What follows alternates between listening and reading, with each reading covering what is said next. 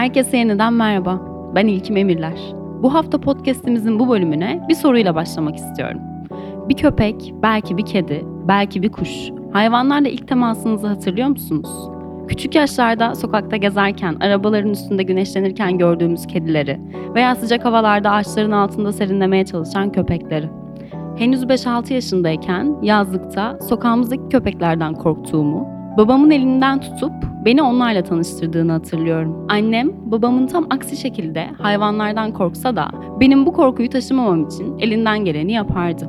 Hem annemin hem de babamın çabasıyla hayvanlardan korkmayan bir çocuk olarak büyüdüm. Benim için sokaktaki arkadaşlardı. Hala da öyleler. Her ne kadar günlük hayatın koşuşturmasında, güneşlenen kedilere veya gölgede sığınan köpeklere dikkat edemiyor olsam da hala sokaktaki arkadaşlarım her biri.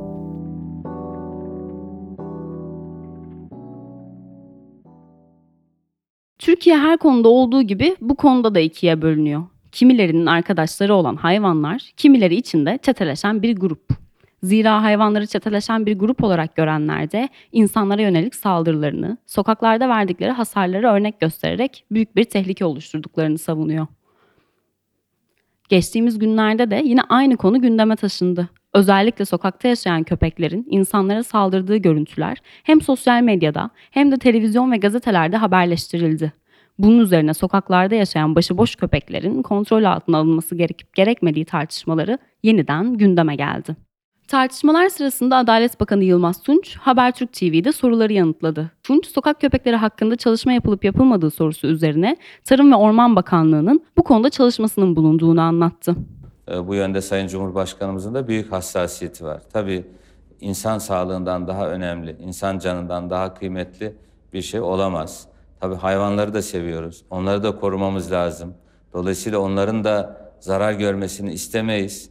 Ancak tabii insanlara zarar verecek e, derecede bu tür görüntüleri görmek bizim vicdanımızı sızlatıyor. Bu anlamda e, konunun e, çözümü için Cumhurbaşkanımızın da gerekli talimatları var.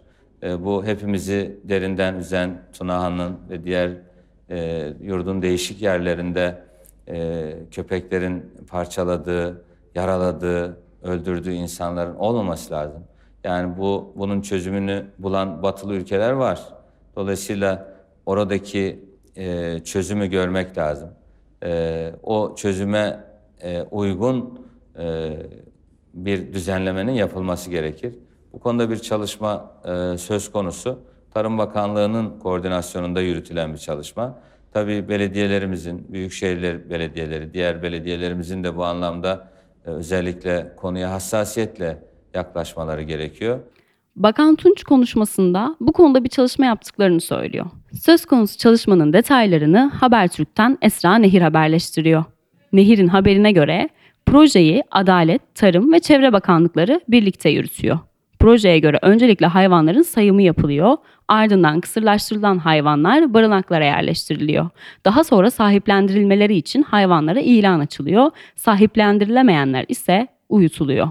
Çalışmanın 31 Mart yerel seçimlerinden önce hayata geçirilmesi öngörülüyor ancak projede tartışılmayan noktalardan biri hayvan hakları. Çalışmaya ilişkin değerlendirmelerde bulunmadan önce Türkiye'de insanlar ve hayvanlar arasındaki ilişkiye odaklanmak gerekiyor. Çünkü Türkiye'deki hayvanlara yönelik algı üretilen projelerin temelini oluşturuyor. Konuya ilişkin görüştüğümüz Kadir Has Üniversitesi öğretim üyesi ve dört ayaklı şehir koordinatörü Mine Yıldırım bu bağlantıyı şöyle açıklıyor. Yani hayvanlar derken sokakta yaşayan, Türkiye'de kamusal alanları paylaştığımız sokak hayvanı olarak bildiğimiz varlıklar aslında tarihsel ve kültürel olarak son derece özgün varlıklar bunlar. Yani bir kültürel farkı ifade eden dünyanın çok az şehrinde, çok az şehrinde, çok az coğrafyasında bu kadar yaygın olarak birincil yaşam alanı ve ağırlıklı hayvan, evcil hayvan nüfusun evlerde hane içine kapalı değil, sokakta yaşadığı bir ülkeyiz. Yani Türkiye coğrafyasında genel olarak hayvana sokakta bakmak, sokakta barındırmak, sokakta beslemek, hayvanın da insanla birlikte karşılaşması, daha yoğun karşılaşması, insanla birlikte yaşamı, gündelik hayatın içine katılması aslında bir tasmanın e, ucunda kontrollü bir yaşam değil. Aslında bir haneye kapatılmış bir yaşam değil, sokakta. Şimdi bu çok eski bir gelenek aslında, çok eski bir kültür. Türkiye'de hayvanlara bakış açısı dediğimizde bir ikilik e, olduğunu düşünüyorum ve bunun çok önemli olduğunu düşünüyorum. Birincisi devletin, kamu otoritesinin, yerel yönetim, siyasi iktidarların hayvana bakışı, dolayısıyla hayvanın e, politikacıların hayvana bakışı ve bir hayvanın e, hukuk düzeni içindeki yeri bu bir düzlem. Bunun Türkiye'deki sosyolojik olarak insanların hayvanlarla, sokak hayvanlarıyla ilişkisinden farklı olduğunu düşünüyorum. İlk söylediğim kültürel olarak hayvana yer verme, yer açma, birlikte yaşama pratikleri kültürel yaşamda varlar. İnsanın yani insanın toplumsal olarak insanların hayvana bakış açısıyla e, de kamu otoritesi ile hayvan arasındaki ilişki maalesef son derece farklı. Birincisi e, ama bu tabii ki birbirini etkileyen, birbirini belirleyen ve şekillendiren iki farklı dinamik olduğunu düşünüyorum bunun. Hı. Ve belki de bugün hayvanlarla hala sokakta karşılaşabiliyor, hayvan e, hayvanları sokakta yaşatabiliyor. Yani bir sokak hayvanı varlığından bahsediyorsak ne mutlu ki e, e, siyasi iktidarların kamu otoritesine hayvana bakışından farklı bir koruma anlayışının toplumda hala gerçek, güçlü ve e, var olmasından kaynaklanıyor. Kamu otoritesinin, yerel yönetimlerin, bakanlıkların, siyasi iktidarların özellikle son 25 yılda Türkiye'de sokak hayvanına bakış açısı maalesef bir e, tırnak içerisinde sorun olarak hayvanın varlığını azaltacak, kontrol altına alacak. Sokakta hayvan e, neredeyse bırakmayacak. Tüm hayvanların son zamanlarda başlayan projeler kapsamında bunlar çok büyük ölçekli projeler, ülke genelinde projeler e, bütün hayvanların ya e, sahiplenilip e, evlere kapatılıp ya da barınaklara kapatılıp aslında hayvanların kamusal varlığını e, yok edecek, indirgeyecek, tüketecek girişimler olarak görüyoruz. Burada bir e, ne yazık ki hem artan bir dalga hem de son e, 25 yılda bir süreklilik var. Yani 25 yıldır biz bu çeşitli dalgalar halinde yaşıyoruz. Hayvanlara düzenli olarak sokaktaki varlıklarını azaltacak kampanyalar, siyasi icraatlar, belediyelerin icraatlarının ne yazık ki yoğunlaşarak arttığını görüyoruz. Biz de hayvanın bir tehlikeli varlık olarak maalesef medya eliyle de e, yazılı ve görsel basın eliyle de bu algının oluştuğunu, yerleştiğini ve topluma sirayet ettiğini yani toplum e, bir siyasi icraat alanı olarak hayvanı, sokak hayvanını öldürmenin ya da kentlerden, kamusal alanlardan izole etmenin toplum algısında, toplumun tahayyülünde e, şekillendirici bir güç olarak da yer aldığını görüyoruz. Nasıl oluyor? Dediğim gibi en gündelik, en yaygın ve e, ne yazık ki algıyı en şekillendirici şekilde e, yazılı ve görsel basın eliyle oluyor. Bugün Türkiye'de e, tamamen yalnızca yandaş medyada değil, muhalif medyada da sokak hayvanlarına karşı e, ya açıktan bir düşmanlaştırıcı, onları tehlikeli gösteren, zararlı varlıklarmış gibi, hastalık taşıyıcısı gibi gösteren varlıklarmış gibi uygulamalar ve bir e, söylemin üretildiğini ya da özensizce yapılan bir takım saldırganlık haberlerini teyit etmeden e, bir takım hayvanların saldırganlaştığına, bir e, saldırganlık gösterdiğine dair haberleri doğrulamadan, teyit etmeden, e, bunun önünü arkasını incelemeden ya da toplumda yaratacağı, doğrudan hayvan üzerinde yaratacağı etkiyi e, gözetmeden yapılan ihmal ve sorumsuzlukla yapılan bir takım e, üretilen bir medya dilini görüyoruz. Hı hı. Bütün bunların sonucunda ve uzun yıllar boyunca devam eden bunlar ne anlık şeyler ne bir anda yapılan e, yani tek, tekil müferit vakalar uzun yıllar boyunca yaşanan toplumda yürütülen bu algı kampanyası e, sonucunda aslında toplumdaki ilişkinin de o ilk başta saydığım söylediğim yani toplumun bir kadim kültürel varlığı olarak bir geleneği bir pratik olarak hayvanları koruma kültürünün de bozulmaya başladı.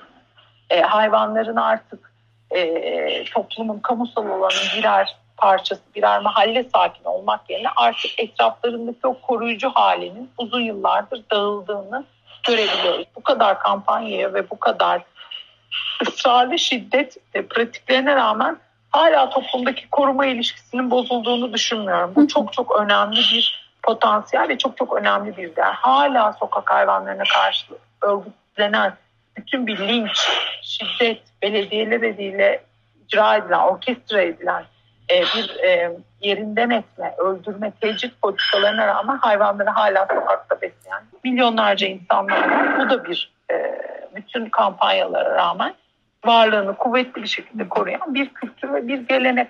Mine Yıldırım, Türkiye'de hayvanlar üzerinde iktidar eliyle oluşturulan düşmanlaştırmanın yalnızca hayvanlara yönelik üretilen politikalara değil, aynı zamanda hayvanların haklarına da yansıdığını vurguluyor.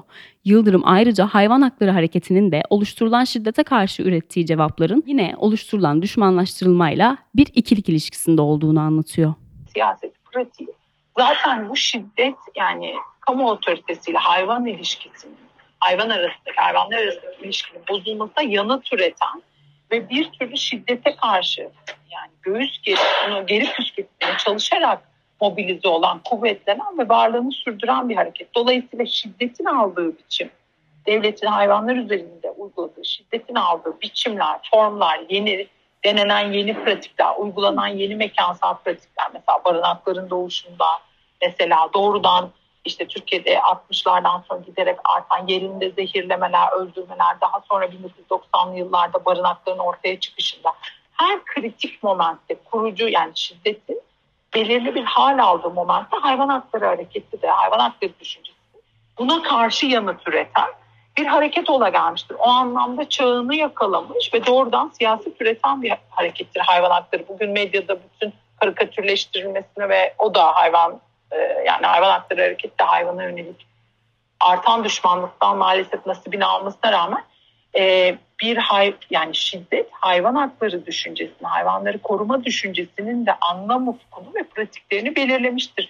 Devlet eliyle yürütülen ana politika barınaklara hayvanları kapatmaksa hayvan hakları hareketi de barınakların e, birer tecrit merkezi olduğunu, birer hayvanların yaşamını e, kastedecek şehirden yalnızca şehirden koparılmalarına değil kapalı kapılar ardında. Dolayısıyla kamu denetiminden uzak vatandaşın erişiminden uzak ve hesap verilebilir, verebilirliği olmayan yerlerde o gözden uzak gönülden uzak yerlerde hayvanların denetimsiz kayıt dışı bir şekilde yok edildiğini örgütlendiği bir mekansal pratikler aslında hayvan hakları hareketi bunu dile getirmiştir. Ve bugün toplumda artık barınakların birer Türkçedeki ifadesiyle birer toplama kamp olduğu, birer tecrit merkezi olduğu ve hayvana dair özel bir düşüncesi olmayan toplumdaki herkesin bile ya barınaklarda da e, büyük bir e, şaibenin olduğunu, büyük bir en azından şiddet dalgasının oralarda üretildiğini, buranın e, şiddetin devlet eliyle kurulan o şiddetin merkez üsleri olduğuna dair ciddi bir e, düşünce, bir farkındalık oluşmuş durumda. Çamaşır suyu enjekte etmekten e, boğularak öldürülmesine, yavru kedilerin, köpeklerin çuvallara konulup öldürülmesine, otoyol inşaatlarına atılarak öldürülmesine çeşitli şekillerde e, öldürme pratiği ve hiçbirinin kanunda yeri olmayan pratiklerle öldürüldüğünü gördüğümüz yerler aslında. Hayvan hakları bunu e, barınaklara karşı bunu hayvanların sokakta yaşamını e, uzun yıllar boyunca savunan ve bunu temel bir kırmızı çizgisi olarak kabul etmiş e, bir e, siyaset aslında yaşamını düzenleyen kanun 5199 sayılı hayvanları koruma kanununun 6. maddesinde belirtilen yani bir yerel yönetimi sokak hayvanlarının, sokakta yaşayan hayvanların kanunen koruyucusu ve sorumlusu olarak, olarak Türkiye Cumhuriyeti kanunlarında yerel yönetimleri tayin eder. Yerel yönetimlerin hayvana müdahale etme e, imkanı vardır bu kanun çerçevesinde ama ancak yaşatmak için hem de sadece yaşatmak için değil yerinde yaşatmak için. Bu şu demek bir belediye gibi bir sokağa girip bir köpeği alabilir ama tedavisi tamamlandıktan sonra her neyse tıbbi gerekçesi köpeği almak için mutlaka yaşam alanına geri bırakılması. Yerinde yaşat işte kısırlaştır aşılat yerinde yaşat kampanyası hayvan haklarında bu kanuna dayanarak aslında üretilen bir söylemdir. Şimdi tabii meselenin bu kısmı biraz daha lineer işleyen yani etkiye tepki şeklinde biraz birbirini şekillendiren yalnızca ikili bir ilişki var bu dinamik içerisinde e, şiddetle hayvanları korumaya yönelik e, söylemler arasında. Meselenin bu kısmı bugüne kadar aslında biraz daha e, lineer ve bir dediğim gibi kendi bir diyalektiğini oluşturmuş bir dinamikti bu. E, ama son yıllarda bu ilişki, e, bu denge tırnak içerisinde hiçbir zaman şiddet karşısında hiçbir zaman durabilmek çok kolay değil. Dolayısıyla bir dengesi yoktu ama bu ikili dinamik e, daha da bozulmuş durumda. Şöyle ki e, biz artık hayvanları sokaklarda yaşamasını savunan insanlar, akademisyenler, hak savunucuları olarak hayvanları sokakta yaşatabilmenin imkanları, mekansal imkanları, hukuki imkanları, hayvanların haklarını işte gündelik yaşamlarda özellikle şehirlerde e, artan şiddetle nasıl baş edebileceğini bilemez durumdayız. Evet hayvanlar sokakta yaşamasını savunuyoruz. Bu hayvan sokakta doğmuş hayvanın hayatın sokakta yaşaması ve sadece yaşaması değil, iyi yaşamını savunuyoruz. Yani hayvanların sokakta sürünerek, acı çekerek, uzun süre e, işte açlıkla, şiddetle, trafik kazasıyla, eziyet görerek değil, iyi yaşamı yani yalnızca yaşam değil, iyi yaşam ve iyi ölümü aslında hayvanların kendi doğal döngüsünde, sağlıklı koşullarda yaşamasını kendi doğalarına ve habitatlarına uygun koşullarda yaşamasını savunurken bütün kentlerde şiddet yaygınlaşınca ve biz bu şiddete karşı hayvanları korumak için hukuki araçlarımız zayıflatılınca bunu nasıl yapabileceğiz? Türkiye'de son sayıma göre yaklaşık 2,8 milyon sokak köpeği bulunuyor. Bakanlık bu sokak köpeklerinin tamamı için ürettiği projede barınağa yerleştirilmeleri ve ardından sahiplendirilmeleri üzerine çalışıyor. Mine Yıldırım ise barınakların birer tecrit mekanı olduğunu vurguluyor ve kısırlaştır, aşılat, yerinde yaşat diyor. Türkiye'de koşulların yalnızca insanlar için değil, sokak hayvanları için de iyileştirilmesi gerekiyor. Sokak hayvanlarının günümüzdeki yaşam koşulları da yaşanan sorunların nedenlerinden birini oluşturuyor. Sorumlu olan kamu otoritesi. Eğer bu hayvanlar yalnızca yani beslenme değil, beslenmeye gelene kadar bile kamu otoritesi yaygın kısırlaştırma, dolayısıyla bir nüfus popülasyon yönetimi ve yaşayan popülasyonu yani var olan popülasyon sağlıklı tutmak için, sağlığını korumak için dolayısıyla salgın hastalık, davranış bozukluğu, agresyon gibi dinamikleri engellemenin yolu kısırlaştırma ve temel aşılamalarının yapılması bu hayvanların. Şimdi kamu otoritesi bir itlaf söylemine, toplu yok etme söylemine geçtiğinde bütün bunları yapmıyor zaten. Bunlar bir maliyet hesabına dönüşüyor. Bunun yerine ne yapıyor? Bütün bu hayvanların bakımını toplumdaki yerel hayvan koruma gönüllerini, hayvanseverlerini zaten bir şekilde hayvanla birlikte düşmanlaştırdığı ve kendi bireysel olarak bu meseleyi üstlenmeye çalışan, hayvanları yaşatmaya çalışan insanların üzerine yıkmış durumda. Bu hayvanları sadece e, beslemek açısından değil, bes, yani bir gıda desteği vermiyorsunuz, hayvanları aç bırakıyorsunuz, kısırlaştırmıyorsunuz, aşılamıyorsunuz.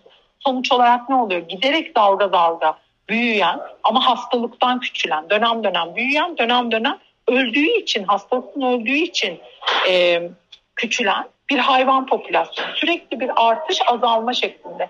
Niçin bu böyle? Çünkü kısırlaştırılmayan hayvan e, sürekli olarak yavruluyor. Yavrular ölüyor bakımsızlıktan, açlıktan, temel sağlık hizmeti verilmemesinden. Anne köpekler özelinde bunu doğrudan gözlemleyebilirsiniz. Kediler özelinde de e, doğur, doğurganlık artıyor. Yaşam kalitesi düşüyor, sağlık sorunları artıyor. Besinsizlik, gıdasızlık, iyi bakım olmaması nedeniyle hastalanarak ölüyor hayvan. Şimdi bu Türkiye'de aslında bu ihmalle, bu hizmetin verilmemesiyle belediyelerin e, kayıt dışı olarak uyguladıkları adı konmayan politika bu zaten. Ya ölüme terk etmek yaşadığı yerde ya da saldırganlık vakalarının geldiği e, bunları konuşabiliriz. Hayvanlar saldırganlaşıyor olabilir kimi örnekte. Bakın olabilir diyorum çünkü çok büyük bir kısmında medya manipülasyonu olduğunu da biliyoruz. E, ama saldırganlaştığı örnekteki tamamına bakın. Bakın bunu iddia ediyorum çünkü biz örnekleri çalışıyoruz, vakaları çalışıyoruz. Tamamına bakın. Nerede bu hayvanlar saldırganlaşıyor? İstanbul'da e, işte kuzey ormanlarının parçalanan otoyol inşaatlarına atılmış hayvanlar. Nerede saldırganlaşıyor? Kurtköy kırsalında, Gebze kırsalında. Nerede saldırganlaşıyor? Örnek vermek istiyorum. Ankara Gölbaşı'nda yani birkaç örnekte kentin yoğun hayvanların yaşadığı doğal alanlarında saldırganlaşan hayvan çok fazla. Hı hı. İstisnasız bütün örneklerde bakımsız kalmış ve belediyeler eliyle atılmış, bir yerden alınmış, yaşamından koparılmış. Önce barınağa ya barınağa kapatılıp sonra barınaktan başka bir alana yani bırakılması gereken yaşam alanına değil.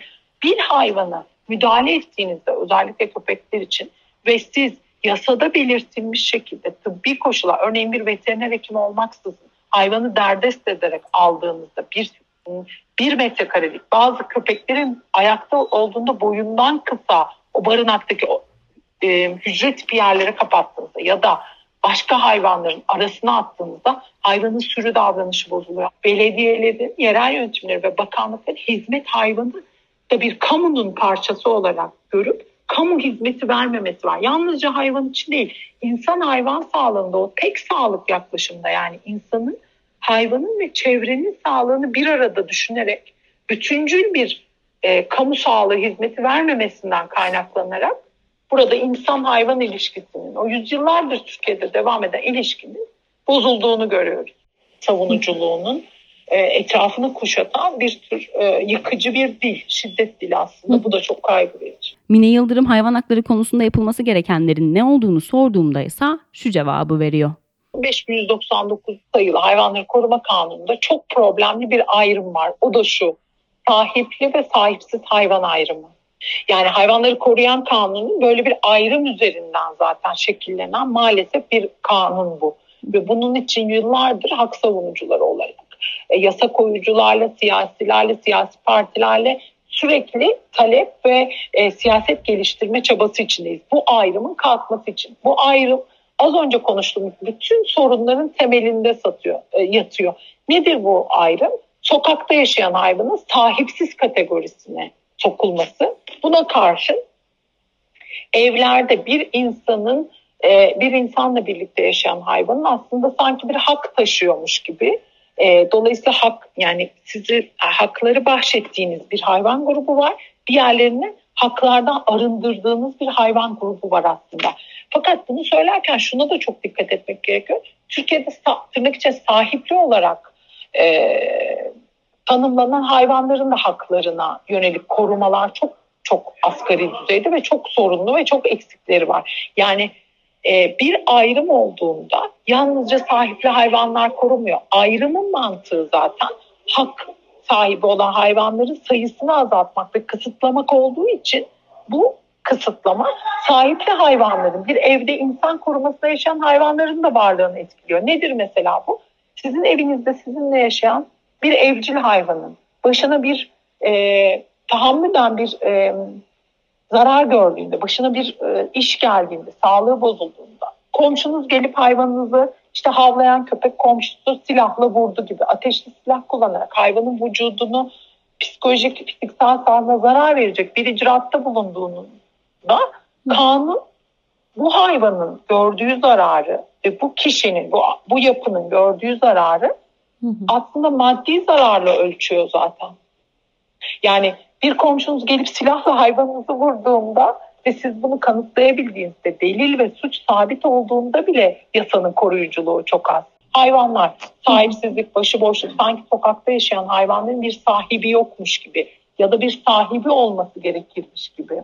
Oysa ki sokakta yaşıyor bu hayvanlar. Sokakların sahibi kim? Sokakların sahibi olabilir mi? Sokaklar bir kamusal alanlar. İnsanlar arasındaki ilişkiyi bir arada tutan bizim mekansal, toplumsal altyapımız ve bu hayvanlar o duygusal altyapı dediğimiz toplumu bir arada tutan değerlerin içinde yaşıyor bu hayvanlar. O değerler sayesinde yaşıyor. Ve bu her zaman bir barış ortamı, bir bir arada yaşam, bir açıklık, farklı olana açıklık ortamı, bir komşuluk ilişkisi, kamusal alana ait olma ilişkisi. Yalnızca ayrım değil, ayrım aynı zamanda bu ifadeleri de e, sabitleştiriyor ve değişmez hale getiriyor. Oysa sahipli, sahip, sahipli ya da sahipsiz diye ayırmamalıyız hayvanları. Evlerde yaşayan hayvanlar var, sokakta bizlerle birlikte yaşayan. Sahipsiz değil o hayvanlar. Sahibi herkes, sahibi kamu aslında. Hepimiziz onların sahibi o anlamda. Ama yalnızca bir insanın bir aile, çekirdek aile ilişkisine, yapısına dahil olan hayvanları o da bahsettiğimiz çok çok asgari ölçüde koruyan uygulamalar. E siz ha, hayvanın etrafından, sokakta yaşayan hayvanın etrafındaki bütün koruma kalkanını indirdiğinizde ve hayvana karşı işlenen somut bir suç olduğunda bakın sadece bahsettiğimiz burada bir köpek kedinin kuyruğunu çekti köpeğin kuyruğuna bastı gibi değil.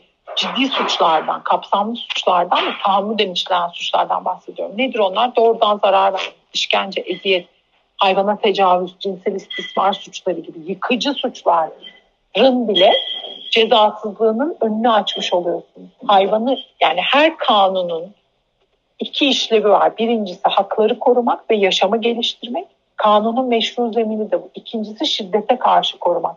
Siz bir hayvan grubunu sahipsiz olarak tanımladığınızda o hayvanın etrafını saran toplumsal koruma ilişkilerini hiçe saydığınızda suç ve bunu yaparken de idari olarak belediyeler eliyle hayvanları öldürmeye devam ettiğinizde zaten hayvanı öldürülebilir kılmış oluyorsunuz. Ve bunu maalesef kanundaki bir e, ayrım eliyle yapmış oluyorsunuz. Ne de olsa sahipsiz olduğu düşünülen ve eziyet gören, işkence gören, tecavüz edilen binlerce hayvan var. Her yıl Türkiye'de yüzlerce sokak hayvanını zaten bu suçlar işleniyor. Toplumda böyle bir suç var. Ve bu suçun önüne geçip caydırıcı cezalarla karşılık bulması gerekirken bir de cezasızlıkla karşılık buluyor. Her türlü cezasızlık suça teşvik aslında. Bir yerde hayvan nüfusunu korumak istiyorsanız bu hem yerel yönetimler için hem hayvan hakları siyaset için yapılacak olan bilimsel olarak ortaya konmuş ve şunun altını da çizmek istiyorum. Çok çok daha düşük maliyetlerle olan eğer bu bir e, kamu otoritesi açısından bir maliyet ekonomik hesapsa maliyet hesabıysa yapmanız gereken de gerçekten bilimsel olarak ve aklın yolu bir denen ortaya çıkan tablo şu. Hayvanları kısırlaştıracaksınız, aşılayacaksınız ve yerinde yaşatacaksınız. Bölümümüzü bitirmeden önce sizi Sarp Dagny ile tanıştırmak istedim. Sarp, kurduğu bireysel köpek kurtarma girişimi Tanış Onunla ile sokak köpeklerinin yaşadığı zorluklarda onlara yardımcı olmaya, bulundukları koşulları iyileştirmeye çalışıyor. Sarp günümüzdeki durumu şu cümlelerle anlatıyor. Merhabalar ben Sarp Dagny, müzik yazarı ve editörüm ama burada bulunma nedenim Tanış Onunla adını verdiğim ve yaklaşık 15 yıldır sürdürdüğüm bireysel köpek kurtarma girişimim Tanış Onunla. Ee, yüzlerce hayvanın sokaktan ya da barınaktan kurtarılmalarına, e, tedavilerini, rehabilitasyonlarını ve ömürlük yuvalarını bulmalarını sağladığım e, bir projeyi sürdürüyorum. E, bir grup değil, tek başına sürdürdüğüm e, bir şey ama çok sayıda gönüllü dostumla el ele e, güç birliğine gittiğimiz durumlar da oluyor. Birbirimizden güç aldığımız durumlar da oluyor. E, benim bütün hikayem ilk köpeğim Pöti ile tanıştığım barınağa tesadüfen bir barınağa tesadüfen gitmem oldu. 2500'den fazla hayvanın bulunduğu bir yerde. o koşullarda oradaki gönüllüler ellerinden gelenin en iyisini yapıyorlardı. Pöti de bebekken oraya e, bırakılmış e, melez e, bir sokak köpeğiydi. Bir buçuk yıl orada kalmış. E, diğer köpeklerle anlaşamadığı için onu bir kulübeye koymuşlar. Ama sürekli kaçtığı için de uzun bir zincirle bağlamak zorunda kalmışlardı. Kendi güvenliği için. Hiç unutamıyorum o zincir beyaz tüyleri göğsündeki tüyler beyazdı Pöti'nin. Orada böyle sarı paslı bir iz yapmıştı zaman içinde. Çok çok sonra çıktı o iz. Ee, ben her baktığımda böyle onun barınaktaki günlerini hatırlardım. Ee, fazla da dramatik olmak istemiyorum ama sanırım bütün bu hikaye içinde benim bugüne kadar bende en çok iz bırakan gerçekten Pöti oldu. Çünkü Pöti sayesinde ben durumun vehametiyle e, yüzleştim. Yani terk edilen köpeklerin durumu, terk edil meyenlerin yani şöyle söyleyeyim e, arazilerde ya da işte ormanlarda yaşayan zaman içinde bir şekilde sayıları artmış e, olan e, hayvanların trajedisiyle de bir bütün olarak Pöti sayesinde yüzleştim. O yüzden Pöti bende en çok e, her zaman iz bırakan e, hayvan oldu. Hatta çok yakın arkadaşım Gökçe Gökçeyer Pöti'nin e, adına bir e, çocuk kitabı serisi yaptı. E, bu çocuklar arasında okul öncesi ve ilk bir iki seneyi sanırım kapsayan bir çocuk kitabı serisi bu. E, çok da e, popüler oldu bu seri. E, çocuklara da köpek evlat edinme yolunda Pöti ilham verdi. Hala vermeye devam ediyor aradan geçen bunca seneye rağmen. E, sadece Türkiye'de değil dünyanın pek çok ülkesinde e, köpek problemi var. E, tabii ki gelişmiş ülkeler bunu kendi e, şartlarında daha farklı, daha keskin kurallarla hallediyorlar. Herkesin söylediği şu günlerde çok sık duyduğunuz işte batı ülkelerinde, batıda sokakta köpek yok. Evet yok çünkü e, orada çok katı kurallarla sokağa düşen köpek e, işte en yakın barınağa alınıyor ve büyük bölümü e, bu barınakların e, kapasiteleri çok küçük olduğu ve sürekli yerine yeni köpekler geldiği için de e, eğer hayvan belli bir sürede yuva bulamazsa maalesef uyutma adını verdiğimiz öldürülmesiyle e, iğneyle öldürülmesiyle son buluyor e, hayvanın yaşamı ve bu bir döngü şeklinde devam ediyor. Yani dünyanın her yerinde aslında üretim, satın alma e, marketing stratejilerinin dayattığı işte insanların peşinde koştuğu birbirinden pahalı ırklar bunların e, kötü oldukça kötü koşullarda üretilmeleri.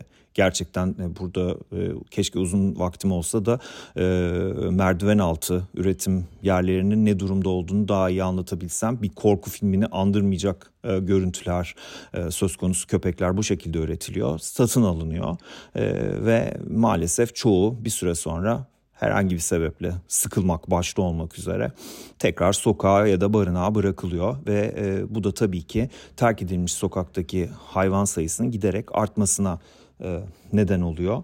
E, Türkiye dışında Güney Amerika'da, Afrika'da, Doğu Avrupa'da, Asya'da pek çok ülkede e, sokak köpeği problemi var. Çünkü onlar yani bu ülkeler bahsettiğim bu coğrafyalar e, Avrupa ve Amerika'da olduğu gibi hızla toplama ve hızlı bir şekilde e, iğneyle öldürme e, yapmıyorlar. Bu da sokaktaki sayının tabii ki kontrol edilemezse eğer artmasına neden oluyor. Yani her iki türlü de tam bir trajedi yaşanıyor açıkçası. Zaten dünyaya gönüllü gelmeyen bir hayvan bir şekilde orada medeni bir toplumun içinde kendine yer bulamadığı için e, yine o medeni toplumun aldığı kararla iğneyle öldürülüyor ya da öte taraftan işte e, çok fazla sayıda hayvan sokaklarda, şehrin dışında, ormanlarda, arazilerde yaşam mücadelesi veriyor. Mine Yıldırım röportajımızda önemli bir soru soruyor. Sokakların sahipleri kim? Sokakların sahibi olur mu? Bu sorunun cevabı aynı hayvan haklarında olduğu gibi başka konularda da üretilen politikaların başlangıcı. Ancak biz bugün bu bölümümüzü şu cümleyle bitirelim. Hayvanlar fail değil, insan hayvan ilişkisinde sorumlu olan da hayvan değil. Bir sonraki bölümde görüşünceye dek hoşçakalın.